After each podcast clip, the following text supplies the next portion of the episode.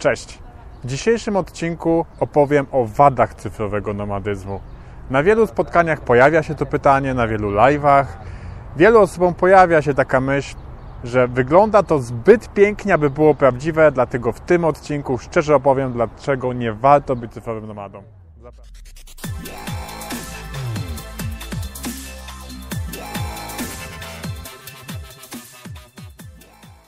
Wada numer jeden, podstawowa, czyli bardzo trudno zbudować rzeczy, które są materialnie trwałe, kiedy jest się cały czas podróży. I dlatego wybrałem to miejsce. Jest to dla mnie symbol takiej trwałości materialnej, bo ten budynek pochodzi podobno z XI wieku, jeszcze z głębszy research, które elementy tego budynku dokładnie z XI wieku, ale widać, że jest to coś trwałego i przetrwało tutaj wiele stuleci w Saragoście. Oczywiście tą utrudniony aspekt budowy czegoś materialnego można rozwiązać. Można budować coś w jednym miejscu, na przykład przez 6 miesięcy w roku, a przez kolejne 6 miesięcy podróżować, być 9 miesięcy w jednym miejscu i 3 miesiące podróżować. To są modele, które każdy może we własnym zakresie rozwiązać. To zależy tylko od Ciebie, jak Ci to wychodzi, jaki masz potencjał finansowy. Przy takim modelu typowo cyfrowego nomadyzmu, takie materialne kwestie stoją na dalszym planie. Jednak cyfrowy nomadyzm wiąże się często z minimalizmem, e, z podróżowaniem z jak najmniejszą ilością rzeczy i z posiadaniem jak najmniejszej ilości rzeczy, co też jest, to też ma swoje plusy, jednak dzisiaj rozmawiamy o mankamentach. Druga kwestia, czyli utrudniony aspekt budowania rzeczy trwałych w naszej osobowości, w tym jak się rozwijamy trudniej robić coś regularnie, trudniej regularnie się uczyć języka, trudniej regularnie ćwiczyć, trudniej regularnie trzymać diety, kiedy jesteś cały czas podróży. Każde nowe miejsce w jakiś sposób nas resetuje, szokuje, a będąc w jednym miejscu możemy sobie dokładać powoli metodą Kaizen, krok po kroku, malutkie usprawnienia naszego życia. I nie ukrywam, cyfrowy nomadyzm e, zaburzył na przykład to, jak ćwiczyłem regularnie, podróżując nie ćwiczę, choć są też osoby, które to robią duży respekt dla nich i warto ich poszukać w internecie. Mi to akurat się nie udaje i wiem, że byłoby łatwiej będąc w jednym miejscu. Innym mankamentem są kwestie zdrowotne. Trudniej jest zdrowie jeść w podróży, trudniej przygotowywać e, zdrowe posiłki, kiedy w każdym mieszkaniu jest inny sprzęt, nawet w takich 3-miesięcznych pobytach, no to trochę nie opłaca się kupowanie na przykład z banka z filtrem do wody lub w ogóle filtr do wody, co mieszkając w jednej lokalizacji jest jak najbardziej opłacalne. Także to jest e, istotny mankament. A także kwestia opieki zdrowotnej, bo będąc w jakimś kraju gościem, będąc tam tylko 3 miesiące, nie płacąc tam podatków, ma się zdecydowanie bardziej utrudniony dostęp do opieki zdrowotnej. W przypadku jakichś problemów, no to często trzeba zapłacić z własnej kieszeni. Oczywiście to zależy też od kraju, ale jest zdecydowanie utrudnione. Nikt nie chce się opiekować takimi osobami, które są gdzieś tylko tymczasowo.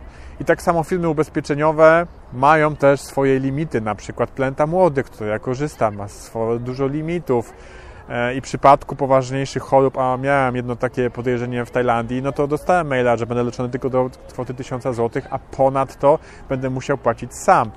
Jest to na pewno duży mankament cyfrowego nomadyzmu i buduje to poczucie niebezpieczeństwa. Nie znam kwestii e, ubezpieczeń takich drogich dla cyfrowych nomadów. To już we własnym zakresie polecam. Kolejna kwestia to samotność. Będąc cyfrowym nomadem, singlem, często można poczuć się samotnie w innych miejscach, na przykład przebywanie gdzieś przez 3 miesiące, ciężko zbudować takie głębokie relacje, jak ma się w domu, jak ma się w miejscu, w którym się mieszkało przez większość swojego życia. To ten, ta wada też wiąże się bardzo mocno naszą osobowością. Niektórzy lubią taki styl życia, kiedy wyjeżdżają, później wracają, mają powód, żeby się spotkać, w innych miejscach poznają nowe osoby, spoglądają na to, jak wyglądają relacje w różnych miejscach z innych punktów widzenia. Dla jednego to będzie coś ciekawego, odkrywanie, dla innych to będzie mankament. Dla akurat to akceptuję. Choć też bywały momenty w moim życiu w Bangkoku czy w Lwowie, gdzie już też było mi samotnie. Kolejny aspekt wiążący się z nawykami, czyli to, że po przeczytaniu książki The Willpower Instinct wychodzę z założenia, że mamy taki słupek przy sobie, silnej woli i on nam schodzi w ciągu dnia, w zależności od tego, jak tą silną wolę spożytkujemy. I możemy naszą silną wolę spożytkować od rana w ten sposób, że myślimy, co zjemy na śniadanie, w co się ubierzemy, gdzie znajdziemy internet, gdzie, jak w ogóle znaleźć miejsce, gdzie chcemy iść, w jaki sposób nam się przemieścić i ten super silnej woli będzie nam schodził. I tak się często dzieje w podróży. A możemy żyć w jednym miejscu, mieć wszystko poukładane, mieć nawyki od rana i ten super nam będzie schodził bardzo powoli, wtedy w pełni go zainwestować w działanie, tworzenie czegoś nowego, w tworzenie nowej jakości, wychodzenie poza swoją sferę komfortu w naszych kwestiach zawodowych czy takich rozwojowych. To jest wada cyfrowego nomadyzmu. Ciężko się rozwijać podróży, no bo tak dużo uwagi nam zajmuje to, żeby się odnaleźć w nowym miejscu, że nie ma już czasu na rozwój, także warto mieć to też na uwadze, choć oczywiście, tak jak wspomniałem wcześniej, kojarzę osoby, które mimo wszystko dają radę i mi też w podróży zdarzało się, że mimo wszystko się mobilizowałem. Teraz będąc w Hiszpanii też przechodzę pewną ścieżkę rozwoju w temacie kompetencji sprzedażowych i mimo podróży udaje mi się to zrobić, choć zdaję sobie sprawę, że będąc w jednym miejscu byłbym tym jeszcze bardziej skuteczny. W temacie pracy zdalnej, cyfrowego nomadyzmu nie sposób nie wspominać o biznesie. I tworząc biznes, tworząc jakieś większe projekty, jeśli chcemy stworzyć coś większego niż tylko jedna osoba, potrzebujemy współpracować z innymi ludźmi, potrzebujemy tworzyć zespoły i nie ma co się oszukiwać.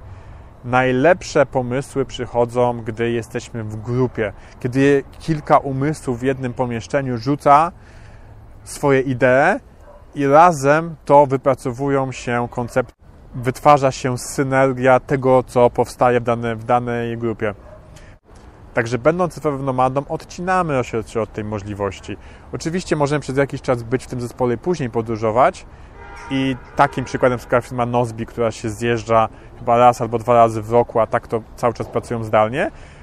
Trzeba mieć jednak tego świadomość. Ciężej budować taki trwały, mocny biznes, taki trwały jak ten pałac e, w sytuacji, kiedy się podróżuje.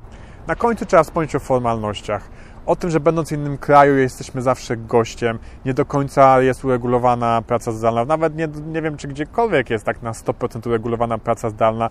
Kraje jeszcze nie wiedzą, co robić z osobami takimi jak ja.